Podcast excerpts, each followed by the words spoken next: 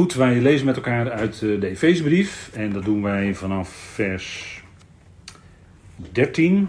En ik lees even alleen die twee versen, vers 13 en 14. Efeze 1. En er staat: In hem ook zijn jullie, die het woord van de waarheid horen, het evangelie van jullie redding.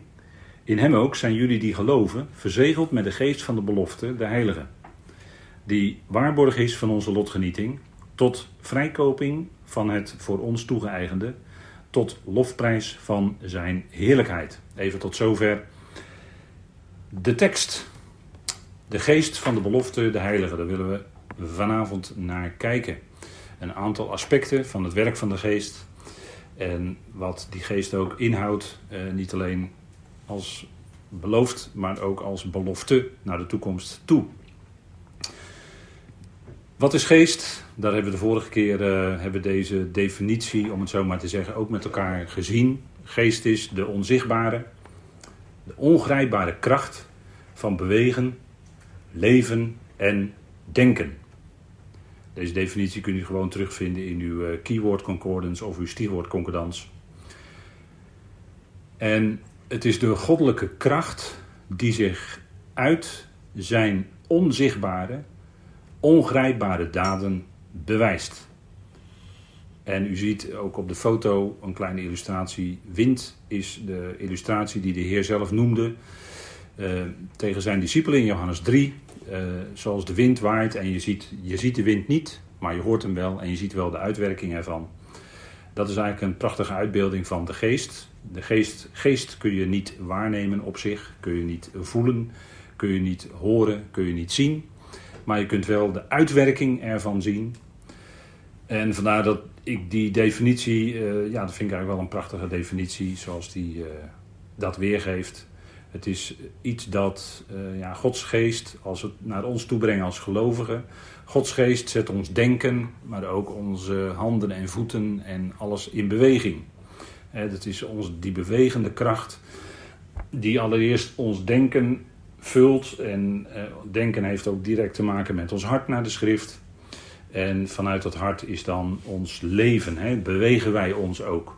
En dat is wat de geest dan in ons teweeg brengt. Ongrijpbare, het zijn onzichtbare, ongrijpbare daden op zich, maar je ziet wel de uitwerking ervan. Wij leven niet in de tijd van tekenen en wonderen, in die zin dat er geen genezingen plaatsvinden, lichamelijke genezingen uh, op een podium, dat mensen op podium worden geroepen enzovoort. En dat die mensen dan genezen worden, zoals het in de tijd van de apostelen en in de tijd van de Heer zelf ging. Dat is vandaag de dag niet. Maar het wonder, vind ik, vandaag de dag is dat Gods geest in mensen gaat wonen. En dat die mensen dan van binnenuit helemaal veranderd worden. Dat is een wonder. Dat is een groot wonder. En dat is wat waarvan de wonderen en tekenen in feite ook een heenwijzing waren. Uh, het waren wonderlijke dingen die nog zouden gaan gebeuren, zoals de profeet dat ook zegt. We zien dat als eerste die geest werkt in Genesis 1. En daar is alles woestheid en ledigheid en duisternis geworden. De aarde nu werd woest en ledig en duisternis enzovoort. En dan zien we dat de geest van Elohim, dat is de geest van God. Wij vertalen meestal God. Hè? Elohim is eigenlijk een meervoudsvorm natuurlijk, weet u wel. Maar die trilde op de wateren. En dat is dus, dat duidt al op, hè, die, dat, dat, dat duidt al, dat begrip duidt al op beweging. Hè? Die geest, de geest van God is nooit, die staat nooit stil, nee, die is altijd in beweging, die is altijd actief. God is altijd actief bezig, God is geest. God is altijd actief bezig om zijn plan te verwezenlijken, tot in de details aan toe. En we zien hier dus, toen de, na de nederwerping van de wereld, de aarde en de hemelen, woestheid en ledigheid geworden waren, dat de geest van God trilde op de wateren. En toen begon het herstelwerk dat we in uh, Genesis 1 lezen. In zes dagen herstelde Elohim, herstelde God de nedergeworpen wereld tot zover als het nodig was in zijn plan. Er was geen volmaakte wereld die er toen was waar Adam en Eva ingezet werden. Maar het was in die zin wel goed en zelfs zeer goed, staat, wordt ook aan het einde gezegd hè, van die hele reeks van dagen. Het was zeer goed in de zin van, dit is precies die wereld die ik wil hebben voor mijn plan, om mijn plan te verwezenlijken. En zo, dat is ook de geest, hè? Zo werd Adam, dus Adam werd door God geschapen uit de bovenste laag van de aarde. En het eerste wat je dan leest voor leven is dat God die adem in hem blies, hè? De, de adem van de levenden. Die blies hij in Adam en zo werd Adam, staat er dan, tot een levende ziel. En het is altijd jammer dat de vertalingen dan levend wezen vertalen, want dan vertaal je het weg. Er staat nefesh in het Hebreeuws. En dat is toch, uh, ziel is dan een hele goede vertaling daarvan. Dus God blies zijn adem, hè, zijn uh, levensadem, blies hij in de neus van Adam. En zo werd Adam, staat er dan, tot een levende ziel. En zo lezen we ook later in Genesis 7 dat die uh, adem van de levenden, en daar wordt ook het woord uh, ruach gebruikt, laten we even met elkaar lezen. Genesis 7, vers 22. En daar staat uh, dat dus die hele, dat, dat leven allemaal voortkomt uit de geest. Hè? Er zijn wel mensen die heel stellig beweren dat ziel het leven is, maar dat, dat is incorrect. Ehm, ziel, leven heeft altijd te maken met geest. Geest geeft leven. De geest van God geeft leven. Adam werd pas een levende ziel nadat die geest in hem geblazen was. En daarvoor, eh, of eh, als een mens overleden is, dan wordt hij ook genoemd een dode ziel. Er wordt in, het licht, in, in de schrift ook gesproken over dode zielen. Staat in Genesis 7, vers 22. Dat is de gevolg van de grote vloed die de Heer bracht over de aarde. Alles met levensadem in zijn neusgaten.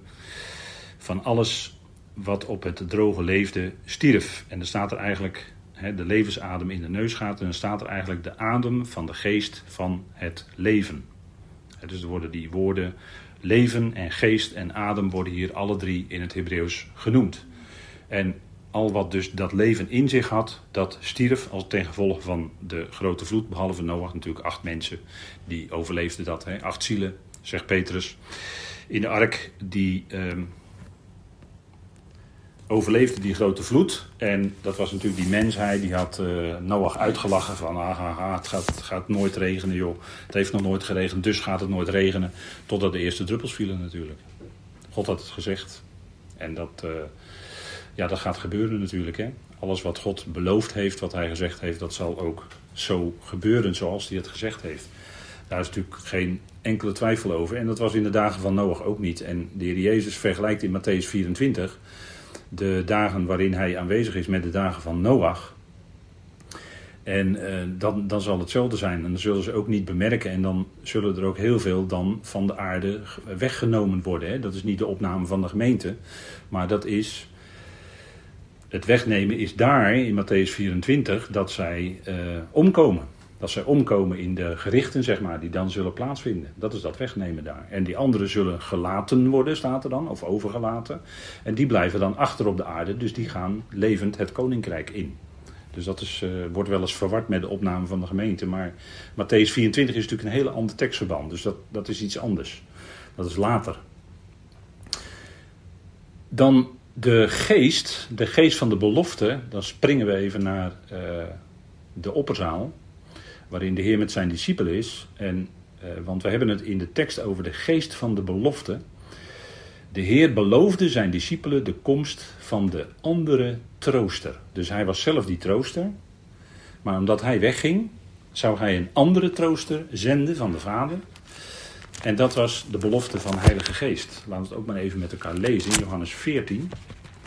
Want dat, uh, hij zegt een andere trooster en dat impliceert dus dat de Heer zelf die trooster was op dat moment. Hè? Maar hij ging weg, maar hij zou ze niet als wezen achterlaten. En hij zou dan die geest sturen en die is natuurlijk ook gekomen. Johannes 14. En er staat uh, in vers 15, dat is dus de Heer die vlak voor zijn dood spreekt met zijn discipelen in de opperzaal. Als jullie mij lief hebben, neem dan mijn geboden in acht. En ik zal de Vader bidden en hij zal jullie een andere trooster geven, opdat hij bij jullie blijven voor de eon. Voor de komende tijd, zullen we maar zeggen. Voor de eon. En dat woord andere is hier het woord allo of allos in het Grieks. En dat betekent een andere, van, maar van dezelfde soort, om het zo maar te zeggen.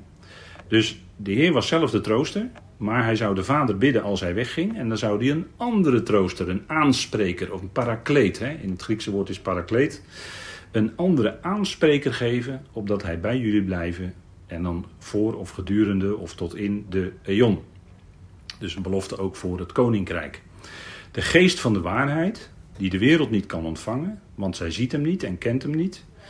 Maar jullie kennen hem en hij zal bij jullie blijven en hij zal in jullie zijn. Nou, dat is de belofte die de Heer dan aan hen geeft. En ik heb hier nog een aantal uh, plaatsen op deze dia gezet.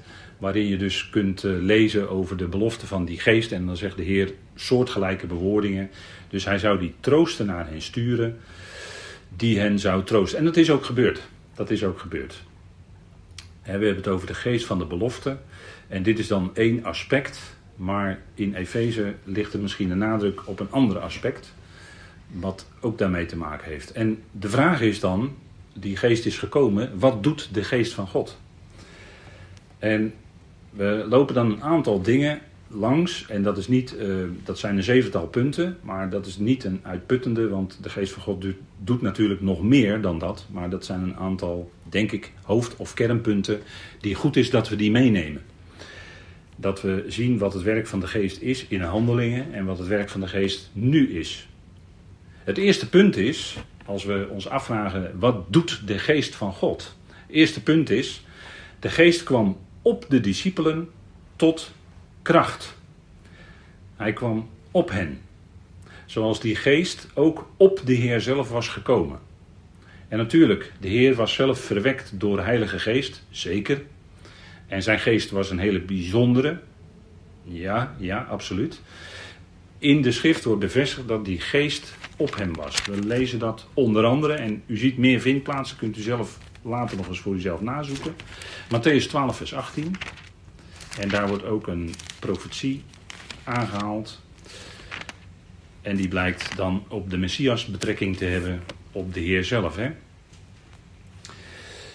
En dat is een, ehm, een aanhaling uit Jezaja, een bekende aanhaling uit Jezaja 42. En er staat in Matthäus 12, vers 18: Zie mijn knecht, die ik uitverkoren heb, mijn geliefde, in wie mijn ziel een welbehagen heeft. Ik zal mijn geest op hem leggen en hij zal aan de natieën het oordeel verkondigen.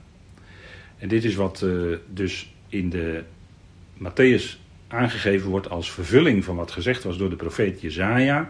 En dat wordt hier betrokken, hè, als je de context raadpleegt, wordt het hier betrokken op de Heer Jezus zelf, op de Messias.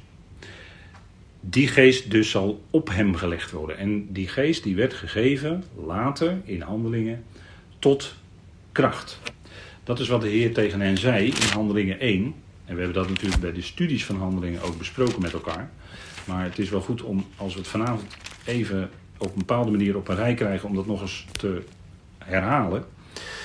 In Handelingen 1, vers 8, daar geeft de Heer antwoord op die vraag van die discipelen. Heer, zult u in deze tijd voor Israël het koninkrijk weer herstellen? Want dat wilden zij graag. Dat hij de Messias zou zijn, dat hij het juk van de Romeinen zou verbreken. En dat hij het koninkrijk, zoals dat beloofd was door de profeten, zou herstellen. En dan geeft hij antwoord en dan zegt hij tegen hen: Het komt jullie niet toe de tijden of gelegenheden te weten die de Vader in zijn eigen macht gesteld heeft. Dus hier geeft hij al een hint dat de tijd. Hij geeft geen antwoord. Hij zegt niet van de tijd is heel dichtbij of de tijd is nog ver weg. Hij zegt het komt jullie niet toe de tijden of gelegenheden te weten. Maar jullie zullen kracht ontvangen van de Heilige Geest die over of op jullie komen zal. En jullie zullen mijn getuigen zijn, zowel in Jeruzalem als in heel Judea en Samaria en tot het uiterste van, ja je kunt vertalen van de aarde zoals het hier in de herzien is gedaan, maar je kunt ook vertalen tot het uiterste van het land. En dat is wat, wat mij betreft uh, de, de hele context van handelingen de voorkeur uh, heeft, wat mij betreft, tot het uiterste van het land. En dat is wat je ook ziet tot en met handelingen 10. Hè, dat, als hij bij Cornelius komt, dan is hij bij het uiterste van het land, Petrus. Maar het werk van de geest is hier dat die geest kwam op die discipelen, op de apostelen. En daarmee zouden zij kracht ontvangen. Dus die geest kwam op die discipelen. En die gaf en die verleende kracht, bijvoorbeeld om tekenen, wonderen en krachten enzovoort te doen. En dat gebeurde ook. En deze, wat de Heer hier zei, dat is ook vervuld geworden. Als we kijken in Handelingen 2, dan haalt Petrus ook de profeet Joël aan. En hij zegt: Dit is een vervulling van wat de profeet Joël zei. Handelingen 2, vers 17. En het zal zijn in de laatste dagen, zegt God, dat ik zal uitstorten van mijn geest op alle vlees. En uw zonen en uw dochters zullen profiteren. Uw jonge, uw jonge mannen zullen visioenen zien. En uw ouderen zullen dromen dromen. Nou, dat was ook het werk van de geest. En dat getuigde Petrus op de Pinksterdag dat het ook daadwerkelijk op dat moment zo gebeurde. Hè, dat het plaatsvond. Dus die geest die kwam op hen. En wat je dus in de handelingen ziet, is dat die geest op hen kwam. Maar je leest nergens in handelingen dat die geest ook in die apostelen of discipelen kwam wonen. Dat is iets anders. Omdat de geest daadwerkelijk in hen kwam wonen, lees je niet. Dat lees je wel elders, maar daar komen we nog op. Dus dit is een eerste punt. Hè. De geest kwam op hen om hen kracht te verlenen. En zij werden ook daadwerkelijk in die geest gedoopt. Kijk, water, de doop in water, was een type van de ware doop, waar het uiteindelijk om ging. Hè? En dat zegt de Heer ook, uh, Handelingen 1, vers 5. De belofte, de belofte van de Vader, daar refereert hij aan, die hij in de opperzaal gegeven had. In Handelingen 1 lezen we dat, vers 4. En toen hij met hen samen was, beval hij hun dat zij niet uit Jeruzalem weg zouden gaan, maar de belofte van de Vader zouden verwachten, die jullie van mij gehoord hebben. En daar refereert hij aan wat hij zei in de opperzaal, hè, die jullie van mij gehoord hebben. Want Johannes doopte wel in water, maar jullie zullen in Heilige Geest gedoopt worden, niet lang na deze dagen. En hier zien we dus dat zij in de geest gedoopt werden. Eh, terwijl Johannes doopte in water, en bij gelegenheid lees je heel even dat de Heer Jezus zelf ook doopte in water. En de Heer Jezus werd zelf ook in water gedoopt. Maar hij werd zelf natuurlijk, daar refereert hij ook aan in uh, Lucas. Hij werd zelf in, uh, in de dood gedoopt. Hè. Hij was in water gedoopt en toen zei hij: Ik moet met een dood gedoopt worden. En hoe beklemt het mij? Lucas 12, vers 50. Dus die doop en, dat, dat, en, de, en hier lezen we dan over de doop in de geest. Die doop in water was een type of een voorafschaduwing van de doop in de geest. De doop in water gaf alleen een uiterlijke reiniging van het vlees. Maar de doop in de geest geeft natuurlijk van binnen de mens de ware reiniging. En daar gaat het om.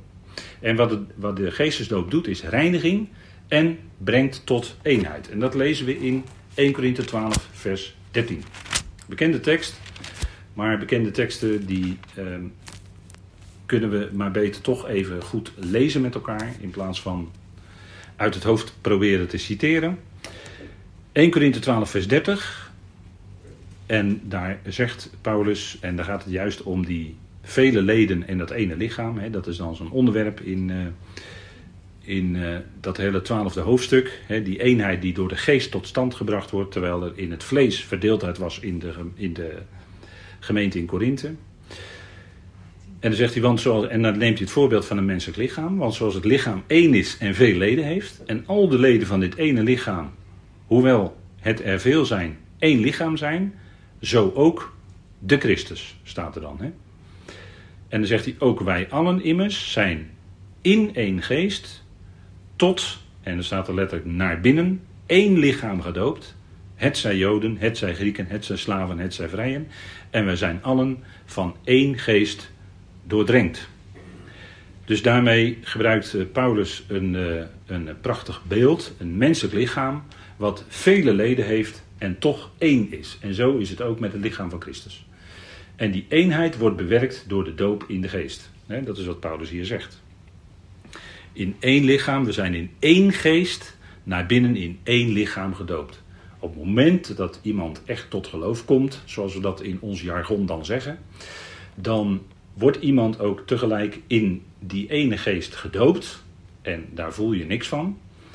In principe. Misschien dat je later van binnen ineens blij wordt. Dat kan heel goed, want ik denk dat dat wel zo is. Maar je wordt in die ene geest gedoopt en op dat moment word je daadwerkelijk in de tijd word jij toegevoegd aan het lichaam van Christus. Om later te ontdekken dat je in Christus al van voor de nederwerping was uitgekozen. Hebben we ook gelezen in Efeze 1. Die e- eerste verse staat dat. In Christus al uitgekozen voor de nederwerping van de wereld. En dat wordt in de tijd werkelijkheid. Op het moment dat je geroepen wordt tot het lichaam van Christus, word je in één geest gedoopt. En die maakt je één met al die andere gelovigen. Dus die, eh, met, met al die gelovigen die horen bij het lichaam van Christus, is daar die geestelijke eenheid. die hoeven wij niet te maken. Nee, die is er al. Dat zegt Paulus ook in Efeze 4.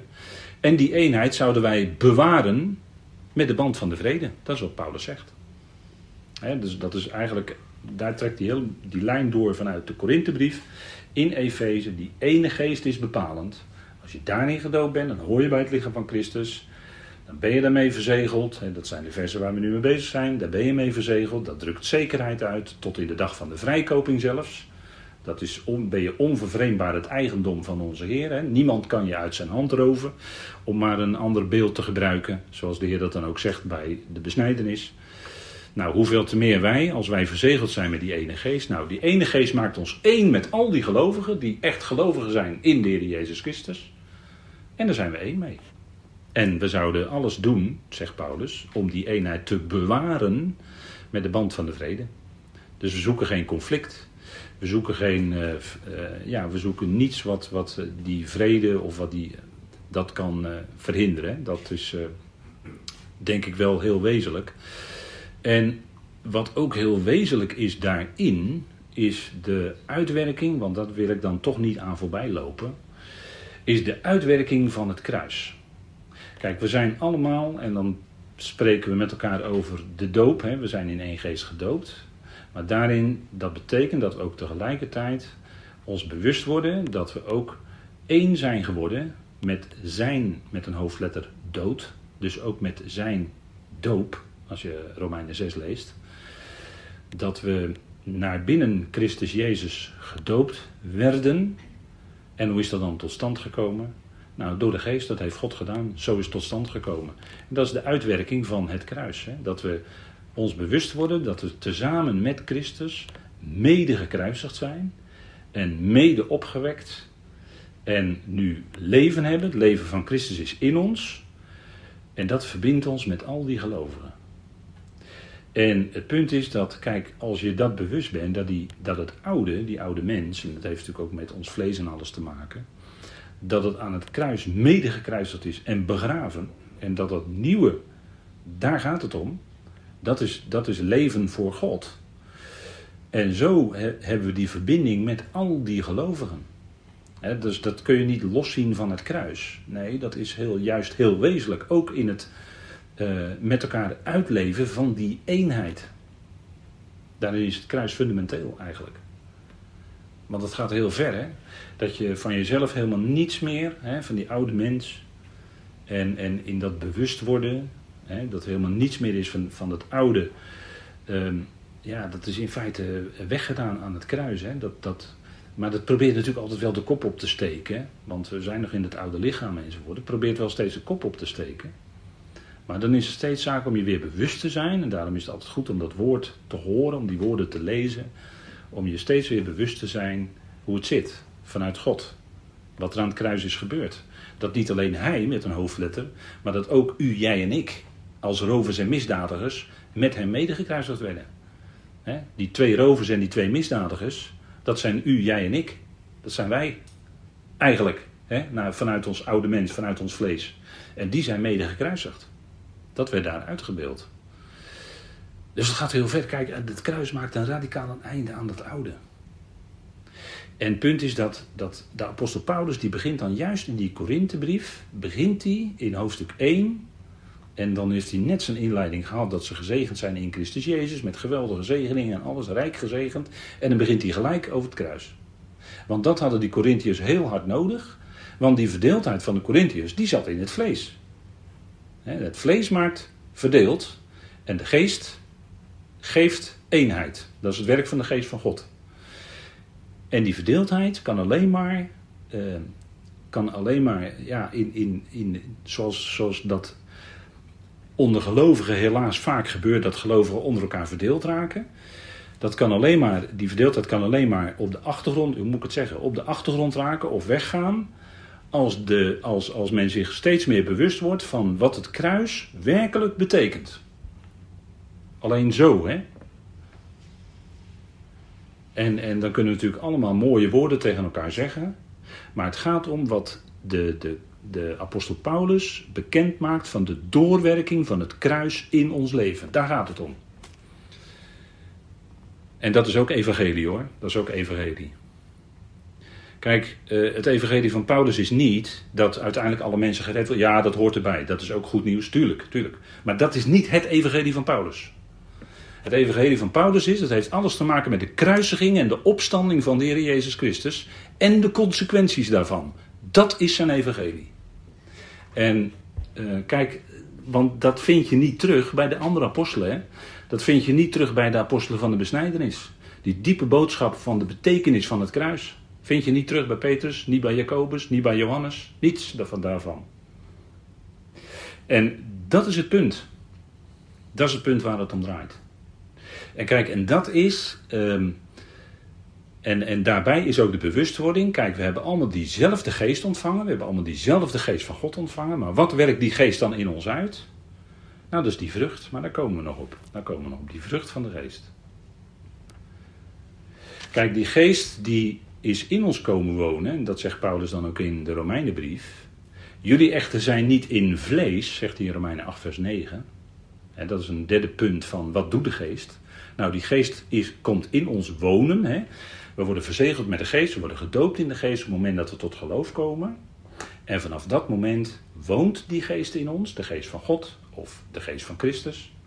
En die gaat niet meer weg. Wonen wil zeggen permanente verblijfplaats hebben in. Wonen. De geest woont in ons.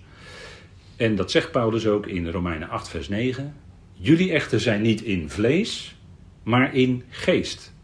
Wanneer namelijk Gods geest in jullie woont.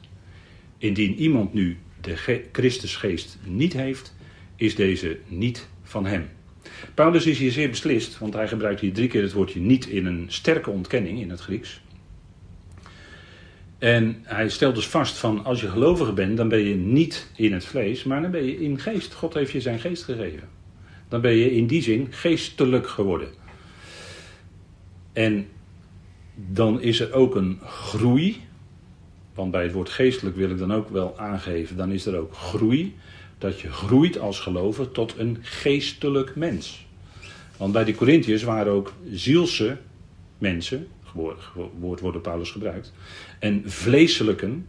Maar hij stelt wel vast dat ze allemaal in Christus zijn. Maar daar is dus wel onderscheid. Het gaat erom dat we groeien in ons geloof en dat we groeien, doorgroeien tot geestelijke mensen. Die dus rekening houden met geestelijke principes uit zijn woord. daar leef je dan bij, daar leef je uit, daar leef je op, hoe moet ik het zeggen? Dat is leven door de geest. Daar heeft Paulus het over in Romeinen 8. Het zoonschap, de geest van het zoonschap hebben we ontvangen. De geest van God woont in jullie, zegt hij. En dan zegt hij, ja, als iemand de Christusgeest niet heeft, dan is deze niet van hem. Duidelijk, hè? Duidelijke taal. Dat hoeft ons niet aan het twijfelen te brengen. U, jij en ik, we zijn gelovigen. En die geest van God in je bevestigt dat ook. Dat is de geest van de waarheid, hebben we net gelezen. Het is de geest van de waarheid. En dan weet je ook dat het waar is. En dan accepteer je ook dat Gods woord waar is. Hè? Dat is geloof. Maar ook geloof is een geschenk van God. Dat heb je ook niet van jezelf. Dat is iets wat God je geeft. En ook dat geloof daarin groeien. Hè. We, zeggen, we spreken dan met elkaar over geloofsgroei. Maar dat is ook iets wat God geeft. U weet wel, Apollos. Maar God geeft de groei. We kunnen, hè, Apollos gaf water. En dat kunnen, kunnen anderen ook doen, eventueel. Maar God moet de groei geven. En dat is ook met, uh, als je achter je huis plantjes hebt. Dan uh, gaan ze verdorren als je ze geen water geeft. En dan is het heel wonderlijk als je gaat groeien hè, als die plantjes gaan groeien, is het heel wonderlijk. Want dan zeg je, ja, hoe kan dat eigenlijk? Dat is eigenlijk een wonder. Hè, mensen die helemaal niet geloven, vragen zich dat ook af. En die zien dat. Dat is een wonder. Maar ze koppelen dat helaas dan niet aan God. Maar het is natuurlijk God die plantjes en alles doet groeien. Maar zo is het ook met ons geloof. Het begint als een heel klein zaadje. Wordt in de Bijbel vergeleken met een mosterdzaadje. Heel klein, maar het kan wel gaan groeien. Dat is de bedoeling. En geloofsgroei komt door ja, heel saai ga ik het nu weer zeggen, horen naar het woord. Ja, dat hoort er zeker bij. Dat is heel wezenlijk, denk ik, voor ons.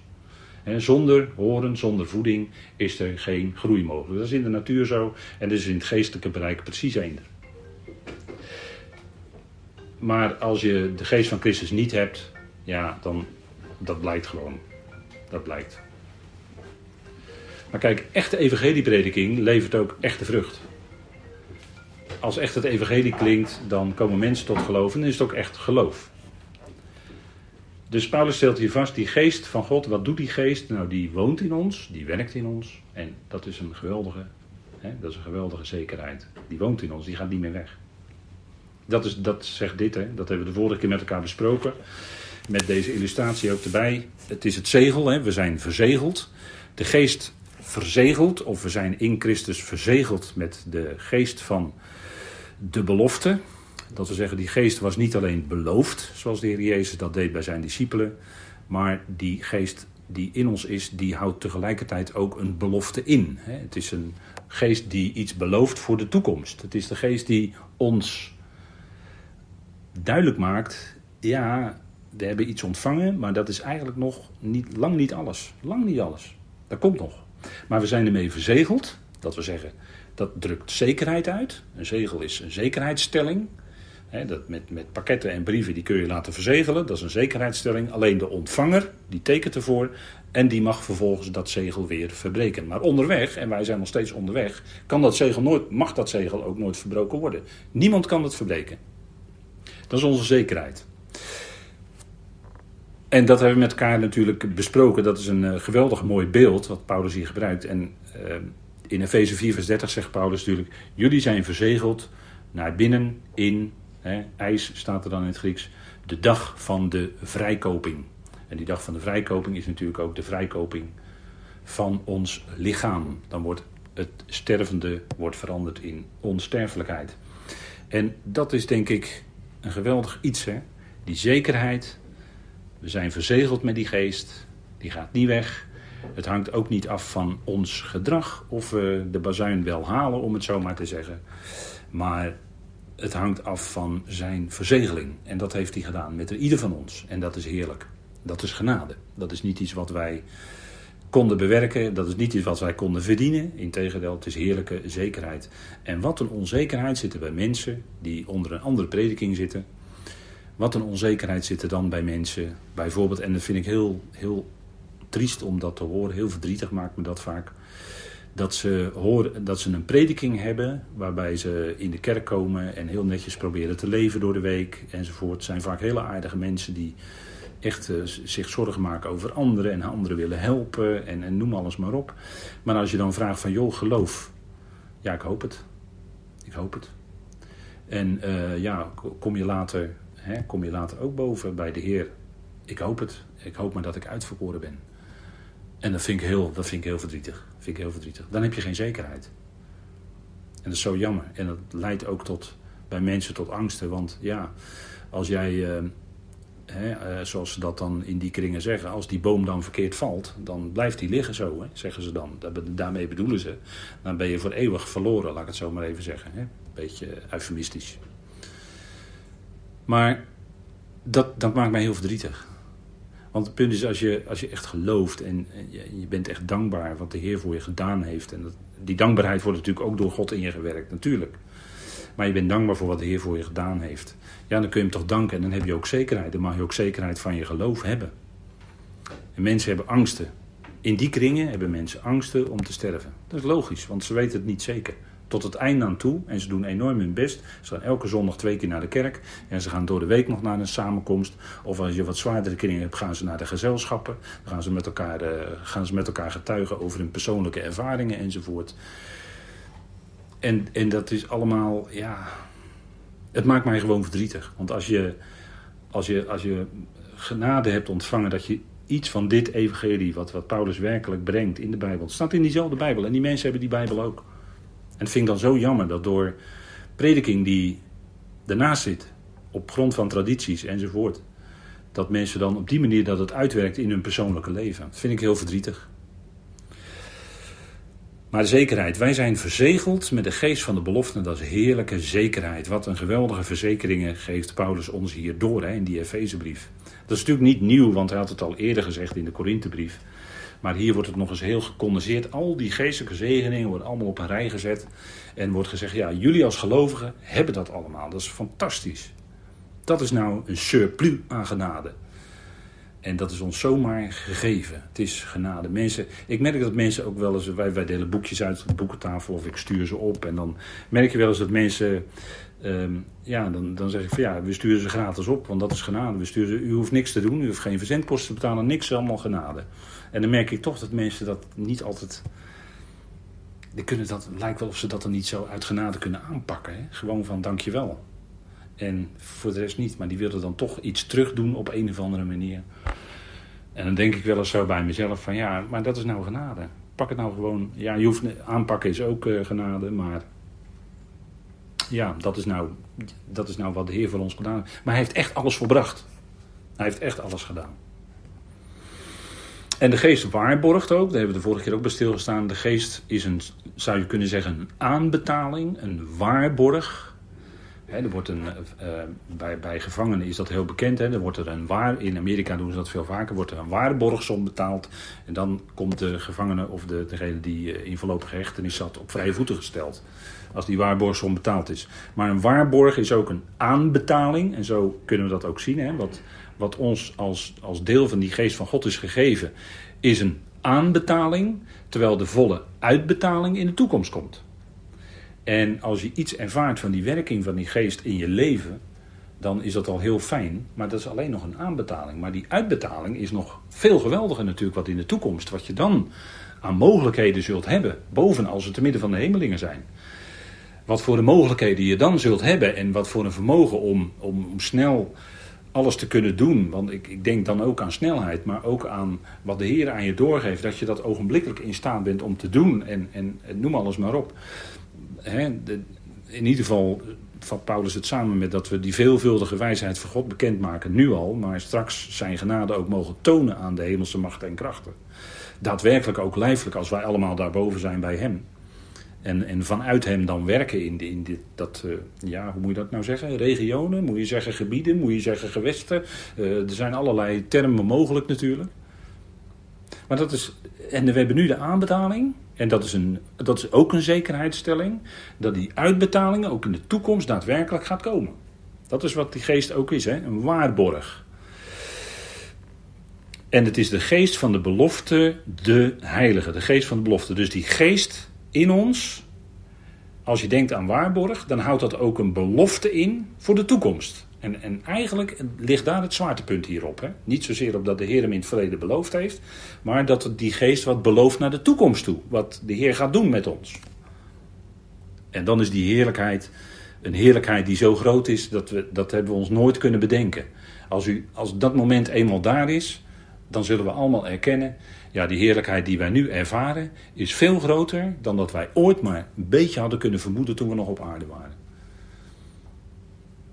En, en dat is natuurlijk geweldig. Hè? Die, we hebben een aanbetaling van de geest ontvangen. En, en, en dat, is, dat, is, uh, dat is die geest die dus in ons werkt. Hè? Dat is uh, geweldig. Nou, dat is het vijfde punt. Zesde punt. De geest vervult. De geest vervult. En dat gebeurde ook met uh, Pinksteren. handelingen 2. Misschien kunnen we dat even lezen met elkaar. En toen kon men ineens in andere talen spreken. Want ja, soms vragen mensen zich wel eens af, als wij nou boven zijn en we communiceren met die hemelingen. Wat voor taal spreken we dan? Ja, er zijn allerlei gedachten over geweest. Sommigen zeiden, we spreken dan allemaal Engels. Anderen zeiden, we, we spreken dan allemaal Hebreeuws. Nou, er zijn genoeg dwarsstaten te verzinnen natuurlijk. Maar in ieder geval zullen we door die geest kunnen communiceren met die hemelse machten en krachten. Dat is een ding wat zeker is. Daar hoeven we echt geen zorgen over te maken. En er staat ook in Handelingen 2, vers 4: En ze werden alle vervuld met Heilige Geest. En begonnen te spreken in andere talen. De zogenaamde glossolalie. Zoals de Geest hun gaf uit te spreken of af te kondigen. Dus je ziet, ze werden vervuld met de Geest. En ze begonnen te spreken. Dus iemand die vervuld is met de Geest, die gaat ook spreken. Er zijn uh, voorbeelden. Ik, kwam als het voorbeeld tegen van iemand die, uh, die zei van. Uh, die, die was, laat ik maar zeggen, evangelist geworden. En er was iemand die zei van. Nou, als ze mij in mijn oude leven ooit hadden verteld dat ik voor zalen van mensen zou staan spreken. Die had ik voor gek verklaard. Dat zou hij van zijn leven nooit gaan doen. Maar ja, toen kwam hij tot geloof. En toen kon hij niet meer over zwijgen. En toen is hij evangelist geworden. Ja, dat, dat kun je hebben natuurlijk. Hè. De Heer kan natuurlijk een heel ander plan met je leven hebben dan dat je zelf had gedacht. Uh, even kijken, Efeze 5. Daar wordt ook iets over gezegd. Efeze 5. Maar kijk, als je, als je blij bent met het evangelie, als je dankbaar bent met wat je gelooft, dan ga je er eigenlijk als vanzelf van zingen. Dan ga je er als vanzelf van zingen. Ik denk dat dat, uh, dat fijn is. Paulus die zegt in Efeze 5, en dat lezen we even vanaf vers 18. En wees niet dronken van wijn, waarin liederlijkheid is, maar wees vervuld met geest. Kijk, wijn is natuurlijk een type van de geest. En wijn is datgene wat het hart van de mens en God vrolijk maakt of verblijdt. Zo staat het in Richteren. Als gesproken wordt, u weet wel, u kent die fabel van Jotam, kent u? De wijnstok. Nou, daar wordt dat gezegd. Richteren 9. Waarin, wordt niet dronken in wijn waar liederlijkheid is, maar wees vervuld met de geest. Want dat is wat we op Pinksterdag ook zeiden. Ja, jullie hebben, het is uh, s morgens 9 uur en jullie hebben te veel zoete wijn gedronken. Wat staan jullie dan allemaal te praten? Nou, ze praten in andere talen. En dat konden zij niet verstaan. En ze dachten al dat ze dit hem te veel hadden. Nee, ze hadden geest ontvangen. En dat gaf hun te spreken. Wees vervuld met geest. Dat is het punt, hè? En uh, ja, je kunt je natuurlijk in je leven met van alles vullen, maar ik denk dat dit de voorkeur uh, voor ons heeft. Hè? Wees vervuld met geest. Oftewel, wees, word vol van geest. Hoe? Hoe? Nou, vul je met die woorden van God. Want die woorden zijn geest en leven, toch? Vul je met die woorden van God. En dat gaat dan je denken bepalen. Hè? Want wat je naar binnen laat komen in je hart, gaat ook je denken bepalen en gaat vervolgens weer je handelingen bepalen. Dus vul je met dat woord. Want, uh, en dan ga je ook spreken van die dingen. Want uh, zei de Heer Jezus niet, toen hij op aarde rondwandelde, hè, zei hij niet, waar het hart vol van is. Nou, de rest weet u, hè? Waar het hart vol van is. Nou, vul je hart dan met die woorden van God. Dan ga je ook vanzelf van spreken. En in ieder geval ga je ervan zingen. Terwijl je met je dagelijkse bezigheden bezig bent. Want er staat hier ook in vers 19, hè? Tot jezelf sprekend. Allereerst tot jezelf, hè? Sprekend, in psalmen, lofzangen en geestelijke liederen zingen en snaren bespelend in jullie harten voor de Heer. Dat gaat in je hart zingen. En dan komt er dan ook uit. dan ben je gewoon met je dagelijkse bezigheden bezig en dan ga je ervan zingen. En dan ga je bij gelegenheid, als God die gelegenheden geeft, en die geeft hij, ga je er ook van spreken. Ga je dat ook aan anderen kenbaar maken. Spreekt, maar allereerst tot jezelf sprekend. Het gaat er nou niet om dat we elkaar met bijbelteksten om de oren slaan, dat dan ook weer niet. Maar wel spreken met elkaar en elkaar bemoedigen. En waar nodig is kun je ook mensen bemoedigen. U hoorde het eh, vooraf. Hè? Als mensen het moeilijk hebben of als mensen allerlei medische ingrepen moeten ondergaan en allerlei lichamelijke klachten hebben. Dan is het gewoon fijn dat je met een bemoedigend woordje misschien een kaartje kan sturen. En dat kan voor mensen zoveel betekenen. Eén kort bemoedigend woordje en daarmee laat je natuurlijk merken dat je aan ze denkt en dat je voor ze bidt. Enzovoorts. Hè.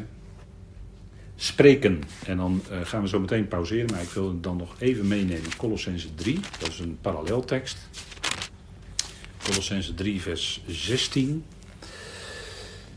En dat is die andere kant, hè, wat, waar we het net al over hadden. Colossense 3, vers 16. Laat het woord van Christus in rijke mate in u wonen, in alle wijsheid. Onderwijs jezelf en wijs elkaar terecht. En psalmen, lofzangen en geestelijke liederen, zing voor de Heer met dank in jullie hart. Nou, dat woord psallo, eh, psalmen, psallo, dat heeft ook te maken met uh, uh, snaren bespelen eigenlijk. Hè? Dus er de snaren van je hart worden dan bespeeld. Het is niet direct dat wij de psalmen zingen. Ik zeg niet dat het verkeerd is. Maar er zitten ook wel eens bewoordingen in die we nou niet echt op onszelf kunnen toepassen en soms helemaal niet. En dan denk ik van, ja, toch een beetje ongelukkig hier en daar. Maar uh, je gaat er wel van zingen. En geestelijke liederen zijn die liederen die aansluiten bij het evangelie. Zoals Paulus dat brengt. Dat zijn echte geestelijke liederen. En ehm, dan is het mooiste als je in de meest zuivere bewoordingen dat kan zingen. En ik heb er persoonlijk moeite mee als bijvoorbeeld in een, in een lied gezongen wordt en er wordt, eh, er wordt dan 15 keer de naam Jezus gezongen. Ik heb daar moeite mee. Ik zing ze ook niet alle 15 keer. Uh, ik vind het één keer genoeg, of twee keer. En dan is het wel, dan is het wel goed. Uh, waarom? Omdat dat op een gegeven moment vind. Dan komt op mij weer over, maar dat is misschien mijn idee, mijn gevoel daarbij. Mijn idee, weet ik veel. Ik vind dat dan op de duur een klein beetje oneerbiedig worden. Want, en, en dan, uh, goed, ik wil er niet te veel over zeggen nu. Maar zing voor de Heer en dankbaarheid in je hart. Hè. Dank Hem zingend in je hart voor datgene wat Hij in het Evangelie geeft. En dat is natuurlijk geweldig veel. Dat mogen we met elkaar hier in genade rijk uitstallen met elkaar. We mogen het lezen met elkaar, dat is, het, uh, dat is wat we doen. We lezen de schrift. En, en daar, worden, daar zijn we met z'n allen geweldig blij en dankbaar mee. En daar gaat het om. En dan gaat je hart, op, daar, gaat je hart daar ook van zingen. Dan, dan word je daar vanzelf. Hè, dat, dat, dat, dat komt, dat, dat kan niet anders. Spreken. Hè, je wordt vervuld met geest en dat is vandaag de dag ook nog zo. En dan kun je spreken. En wij spreken niet in tongen, maar we kunnen wel spreken van datgene wat God ons dan bij gelegenheid ook in het hart geeft om te spreken. En dat is vanuit zijn woord. Hè? Want als je inderdaad dat woord van Christus Rijk in je hart laat wonen, dan komen die woorden er ook weer uit. Als het, als het nodig is in een gesprek met iemand of wat dan ook. En dan kun je dat aanreiken aan iemand. En dat hoeft niet een stapel met kennis te zijn, maar dat kan eenvoudig een woord zijn wat je op dat moment kan aanreiken aan iemand in de, in de gegeven situatie waar je het met iemand over hebt. En misschien als je met iemand praat, dan hoor je misschien wel de nood in iemands leven. Of je hoort tussen de regels door wat er in dat leven speelt. En dat kan je dan, daar kan je dan gericht misschien iets op zeggen, eventueel. Als daar opening voor is. dat zou kunnen. Je kunnen ervan spreken. Nou, dat kunnen we in de pauze ook met elkaar doen. Het is pauze.